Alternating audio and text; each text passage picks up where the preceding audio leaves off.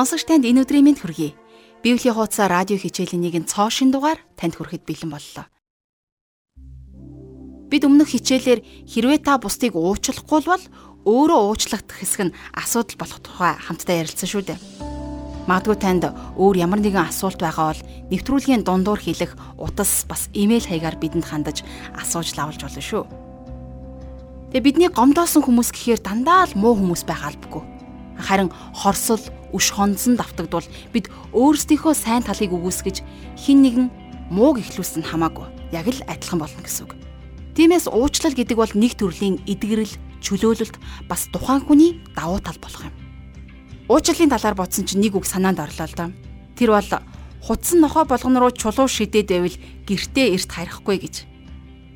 Тэгэхээр Матайн сайн мэдээ номноос Иесус одоохондоо л ойлгохгүй байгаа болохоос биш хожим сайн сайхныг хүртэх хүмүүстэй хэрхэн төвчээртэй хандаж байгаа талаар хамтдаа суралцж байгаа. Тэгээ өнөөдрийн хичээлээ эхлүүлэхээс өмнө бурханд хандаж залбирцгаая. Эзэн минь би танд онцгойлон талархаж байна. Библийг сонсох боломжийг та олгож өгж байгаад баярлалаа. Өргөжлүүлэн сонсож мэдсэн зүйлээ зүрхэндээ оруулж амьдралаараа гэрчлэн харуулхад минь та бидэнд туслаарай өөрийнхөө амьдралд таны аль хэдийнэ өгсөн тэр сайн сайхан зүйлүүдийг хамгаалж авч явахад та туслаарай. Өнөөдрийн хичээлийг заах та багшийг маань ивэж өрөөж өгөөрэй. Сонсох боломжийг та эхнээс нь дуустал нь олгож өгөөрэй. Энэ цагийг танд өргөж Иесусийн нэрээр залбирanгуйлаа. Амен. Харин одоо жаргал агшийн хичээлд анхаарлаа хандуулъя. За Матан сайн мэдээ номоор судалж байгаа өнөөдрийнхөө судлалыг 19 дэх бүлгээс эхлэх гэж байна. За ингээд 19 дугаар бүлгийн 1-р ишлэлээс уншъя. Есүс эдгээр үгээ айлцсныхаа дараа Галилаас явж Йордны тэртех Евдэ нутагт ирэв. За энд тэгэхээр Есүс эдгээр үгээ айлцсныхаа дараа гэж хэлсэн байгаа. Тэгэхээр яг ямар үгээ айлцсныхаа дараа? Тэгэхээр энэ бүхэн болвол бидний өнгөрсөнд үздсэн Матай 16-аас 18 дугаар бүлэг дээр гарч байгаа зүйлс юм. За тэгэхээр Есүс эндээс Йордны тэртех Евдэ нутагт ирлээ гэсэн байгаа. Тэгэхээр тэрээр өмнө зүгийг чиглээд Евдэ хил дээр ирсэн нь за нэг ухта Йордан голын зүүн эрг гэсэн үг юм. Тэртээ Филиппин Цезар гэдэг хотод тэрээр загалмайд цовдлогдсон нас барахын тулд Иерусалим хот руу явах ёстой тухайга хэлж байсан. За ингээд Иерусалим орох замдаа тэрээр Галил нуурын эргэн тойронд хэсэг цагийг зориулсан байна. За Капернаум хот бол түүний үйлчлэлийн гол цөм болсон хот байсан. Тэгээд Капернаумаас гараад Есүс Гадарт очсон. За харин одоо тэрээр Евдийн хил дээр ирээд байна. За 19 дэх бүлгийн 2 дугаар эшлэлдэр үе олон хүмүүс түүнийг дагахад тэнд тэр тэднийг идгээжээ. За энэ хоёр үгийг хамтд нь дахин онцлохыг хүсэж байна. За нэг нь хурссан олон, за харин нөгөөх нь эдгэрсэн гэдэг үгүүд байгаа юм. Тэгэхээр энд эдгэрсэн хэдхэн хүн байсангүй. Үе олон хүн эдгэрсэн. Цаг хугацаа өнгөрхийн хэрээр надад энэ зүйлийг харахад улам ч илүүтэйгээр гүн сэтгэгдэл төрүүлэх болсон юм. Есүс зүгээр л өнгөрөн явхдаа эдгээр зүйлсийг хийж байлаа. Үнэхээр эдгэхийг хүссэн хүн эдгэрч чаднаа гэдгийг би эндээс хардаг. Мянган мянган хүн эдгэрч байсан. За тэгээд одоо нэг сорилтын асуулт нь маш чухал сэдвийг сөхөн гаргасан байдаг.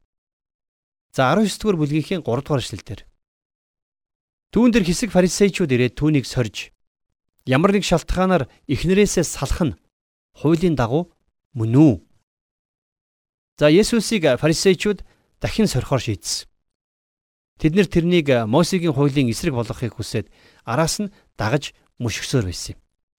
Тэд нар яг л өнөөдөр байдаг шиг хүнд хэцүү асуудлуудыг түүний өмнө авчирсан. За энд юу гэж асууж яах гэхээр ямар нэг шалтгаанаар хүн эхнэрээсээ салах нь хуулийн дагуу байх уу гэж асууж байна. Энэ асуудал бол Христэд итгэгчдийн дотор ч гэсэн мөн адилхан түгээмэл байдаг асуудал. Тэгэхээр хүмүүний гэр бүлийн сайн сайхны төлөө Бурхан хүн төрлөختөнд зарим нэгэн онцгой зүйлийг өгсөн хэмээн энэ хэсгийг эхлүүлмээр байна. За жишээлх юм бол гэр бүлийг хамгаалахын тулд Бурхан гэрлэлтийг өгсөн юм. За гэрлэлт гэдэг бол аврагдсан аврагдаагүй бүх хүмүүст Бурханаас ивэл болгон өгч байдаг зүйл. Үндэстнүүдийг болон өөрсдийн оршин суугчдын амьдралыг хамгаалахын тулд хүн төрлөختөнд өгсөн Бурхны үндсэн хуулиуд байдаг байсан. Харин одоо гэрлэлттэй холбоотойгоор асуусан энэ асуултанд анхаарлаа хандуулцгаая. Тэгэхээр мэдээж энэ асуултыг бодохдоо Израиль хэмээх жижиг үндэстний хүрээнд харах нь лавтай. А гэхдээ харин өнөөдөр бид үүнийг орчин үеийн Христэд итгэгчдийн хүрээнд авч үзэх хэрэгтэй байгаа юм. Ямар нэг шалтгаанаар хүн эхнэрээсээ салах нь хуулийн дагуу мөн үү гэж. За дөрөвдүгээр эшлэлдэр тэр хариуд нь бүтээгч анханасаа тэднийг ир имээр нь бүтээснийг та нар уншаагүй гэж юу гээд. За Есүс тэдний анхаарлыг бүр анханасаа байсан гэрлэлтийн талаарх Бурхны төгс зориг руу хандуулсан. Мөсегийн хууль тодорхой шалтгаан дээр тулгуурлаж салалтыг зөвшөөрдөг байсан. За энэ дээр Дэд хууль номын 24-ийн 1-р ишлэлдэр хэрвээ хэн нэгэн хүн ихнэр авч гэрэлснийхээ дараа түүнд ичгүүрт зүйл байгааг олж мэдээд түүнийг таалахаа байвал салалтын гэрчилгээг бичиж гарт нь өгөөд түүнийг гэрээсээ явуул гэж тэмдэглэсэн байна. За тэгэхээр энэ хууль зарчмын дагуу юу болдог гэсэн бэ гэхлээр жишээлх юм бол тахилчийн охин харь үндэстэнтэй гэрэлвэл тэр Израиль үндэстний тооноос хасагддаг байж.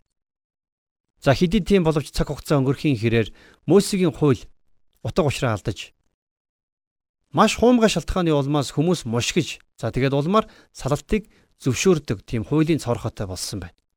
За үр дүнд нь эзний үед салалттай хамаатай асуулт маш ихээр гарах болсон юм. За 19 дугаар бүлгийнхээ 5-аас 6 дугаар ишлэгийг харъя. Тимээс эр хүн эцэг ихээ орхин их нэртэйгээ нийлж хоёулаа нэг бие махбод болдог. Тиймд тэд цаашид хоёр бус нэг бие махбод юм.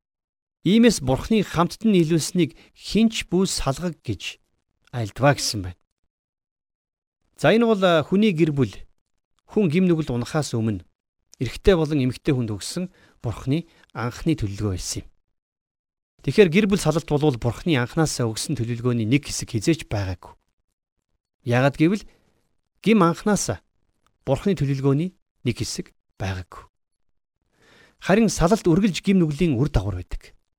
За та юу ч гэж хэлхийг хүссэн миний хэлэх зүйл бол салалтын шалтгаан альва харилцаан дотор нуугдж байдаг гим нүглээс улбаатай байдаг юм а гэж би хэлмээр байна.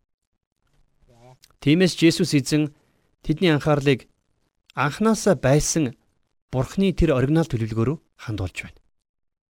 7 дугаар ишлэлдэр гítэл тэд түүнд Тэгвэл Мосе яагаад ихнэртэй салалтыг гэрчилсэн бичиг өгөөд түүнийг явуулахыг тушаасан юм бэ гэхэд За тэдний асуусан асуултын шалтгааныг та хэрвээ мэдхийг хүсч байвал хуучин гэрээний Дид хууль номын 24-ийн 1-ээс 4-р ишлэлийг уншаарай. За тэгээд энэ асуултын хариултыг Есүс 8 дугаар ишлэлдэр ингэж хэлсэн байна. Тэр тэдэнд яагад гэвэл та нарын зүрх хатуу тул Мосе эхнэрээсээ салахыг та нарт зөвшөөрсөн юм. Гэвч анханасаа ийм байгаагүй гэсэн байна. За тэгвэл ямар учраас Мосе ер нь салалтыг зөвшөөрсөн юм болоо? Яагад гэвэл тэдний зүрх хатуу байсан учраас юм. Тэгэхээр гэрлэлт буюу гэр бүл бол анханасаа хүн төрлөختөнд өгөгдсөн хамгийн эмзэг хамгийн нарийн харилцаа байгаа юм. За түүгээр барахгүй гэрлэлт бол Христ чуулган хоёрын хоорондын харилцаагч бас илэрхийлдэг. Зөвхөн Христэд итгэгчтэй л энэ агуу ариун харилцааг харуулах боломжтой. Харин хүн учраас тэд нар бас л унаж гашуун. За тэгээд эдгээр хатуу зүйлс тэдний зүрх сэтгэл ороход гэрлэлт нь хуурамч нүх адил тоглоом шоглоом болон хувирдаг. Тэгэхээр хүмүүсийн зүрх сэтгэл хатуурснаас болж бурхан салалтыг хүсээгүй ч гэсэн зөвшөөрсөн. Тэгэхээр бурхан үнэхээр хүмүүст нэгүүлсэнгүй ханддгийн илрэл энэ байгаа юм. Тэр үнэхээр нэгүүлсэнгүй. А гэхдээ бурхан анханасаа салалтыг хүсээгүй. Тэгэхээр миний хувьд энэ талаар маш бохор заваан соёл иргэншилд амьдарч байна гэдгээ би ухаардаг. Тэгэхээр салалтын шалтгаан болвол гим нүгэл гэдгийг би дахин давтан хэлмээр байна. Үнэн дээр бид нар бүгдээрээ л гим нүгэлтэй. Бурхан болвол алуурчныг ч хүртэл уучлах ууч сэтгэлтэй бурхан. Тийм учраас салсан хүнийг ч гэсэн тэр уучлж чадна. А гэхдээ бид нар салалтын гол шалтгаан болдог зүйл бол гим нүгэл гэдгийг ухаарах ёстой. Харин одоо эзэн цоо шин зөвлөгөөг өгч байна. 9 дугаар эшлэл дээр Би та нарт хэлье. хин садар самуунаас өөр шалтгаанаар эхнэрээсээ салж өөр эмэгтэйтэй гэрлэн тэр нь завхаарсан болно гэв гэсэн байна. Тэгэхээр завхаарл гэрлэлтийн харилцааг хагалж салалтын шалтгааныг бий болгодог юм. За магадгүй хин нэг нь надад хараач нэг дорой Христэд итгэгч эмэгтэй архичин хүнтэй гэрэлсэн байна. А эсвэл маш сайхан Христэд итгэгч залуу нэг итгэдэггүй эмэгтэйтэй гэрэлсэн байна гэж хэлж болох юм. Гэхдээ тэгэд юу гэж? Тэгэхээр Христэд итгэгчид өөр шалтгаануудын улмаас салж болох юм. Яг л 1-р Коринтын 7-р бүлэгт гардаг шиг үнэндээ салалтыг зөвшөөрсөн тэр шалтгаан бол завхаар л байгаа юм. За харин одоо өөр нэгэн чухал зүйлийн тухай харцгаая. 10 дугаар эшлэлдэр Шандрын түүнд хэрв нөхөр ихнэрийн харьцаа ийм байвал гэрлэхгүй байсан нь дээр юм гэхэд. За тэгэхээр энд дагалдагч нар хэрвээ ихнэр нөхрийн харилцаа ийм байх юм бол гэрлэхгүй байсан нь дээр юм биш үү гэсэн маягийн үг хэлж байна. Тэгэхээр мэдээж гэрлэхгүй бол олон ч асуудлаас зайлсхийх боломжтой. Гэхдээ үнэн дээр энэ бол хариулт биш. 11 дугаар эшлэлдэр харин Есүс тэдэнд ингэж хэлхийг бүх хүн хүлээн зөвшөөрч чадахгүй. Харин энэ нь өгөгдсөн хүмүүс л чаднаа гэсэн байна. За өнөөдрийн бидний амьдарч байгаа энэ нийгэмд бол энэ онцгой чухал. За харин дараагийн ишлэлд Есүс гайхалтай зарчмыг бидэнд өгөх болно.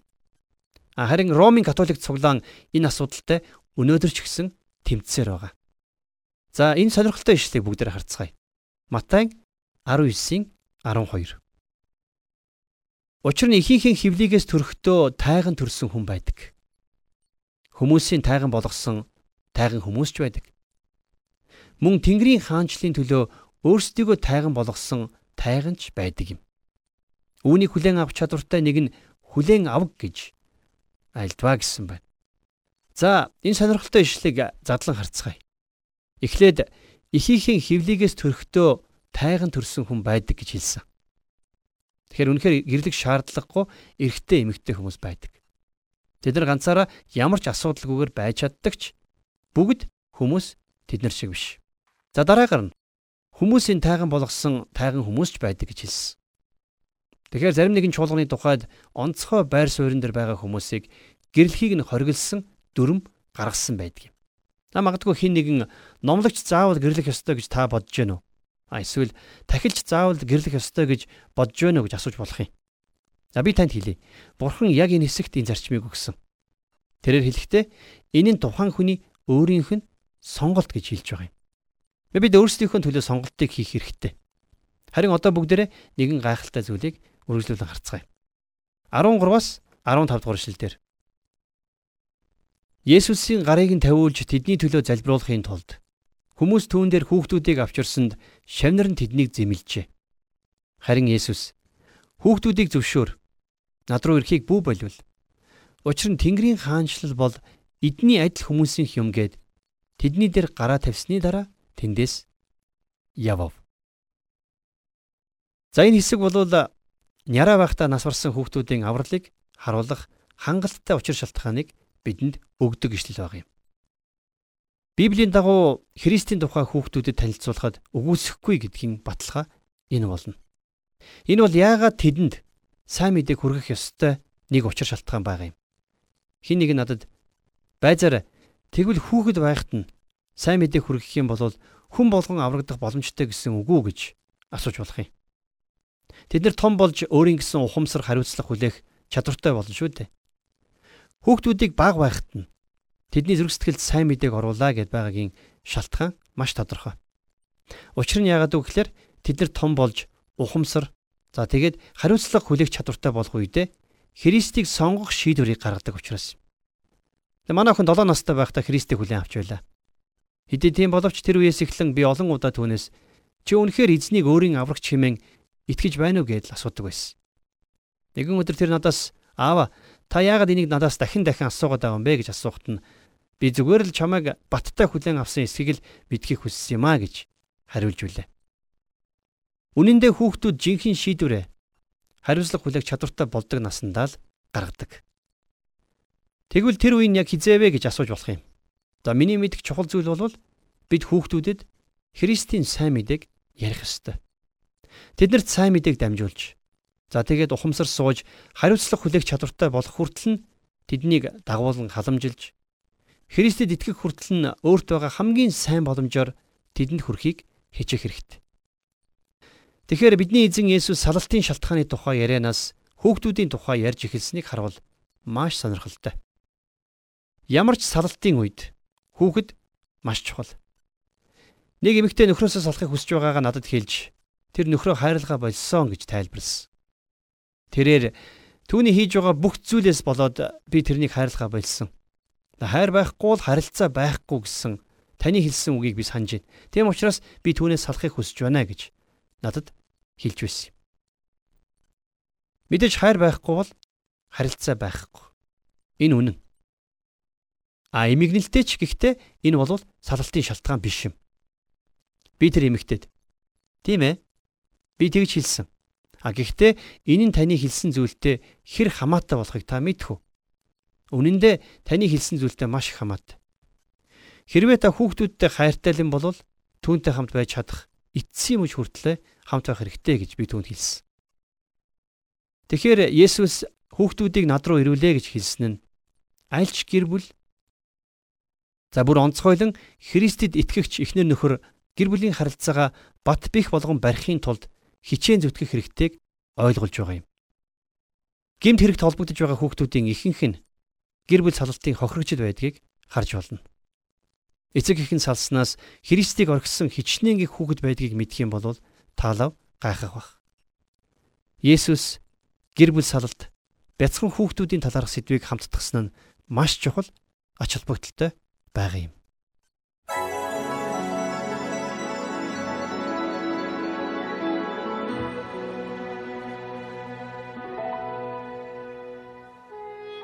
Өнөөдрийн хичээл үнэхээр сонирхолтой байлаа. Хичээл зааж өгсөн багштай баярлалаа. Өнөөдөр маш чухал сэдвээр ярилцлаа штэ. Бурхан хизээч салалтыг дэмжиж байгаагүйг сонсохдоо баяртай байлаа. Бас манай нийгэмд Библийн үн цэнийг энэ мэт заадаг олон олон багш нар төрөөсэй гэж хүсэж байна. Бас Бурханаас ирсэн тэр бэлэг болох хүүхдүүдийг хайрлан хамгаалдаг, бас халамжилж тойлдог олон сайн эцэг эхчүүд багш нар бий болоосай гэж үнэхээр юрөөж байна. Хүүхдүүд сайн сайхныг амсаж ивээгдэхийн төлөө өөрийн боломжтой бүхнийг хийдэг болж өөрчлөгдөхийн төлөө хамтдаа залбирая. Бурхан минь, би танд бүх зүйлийн төлөө талархаж байна. Та гэр бүлийг бий болгосон эзэн. Ямар байх ёстойг та мэднэ. Та үргэлжлүүлэн өдр болгон та бидэнд энхүү хичээлийг та зааж сургаж өгөөрэй.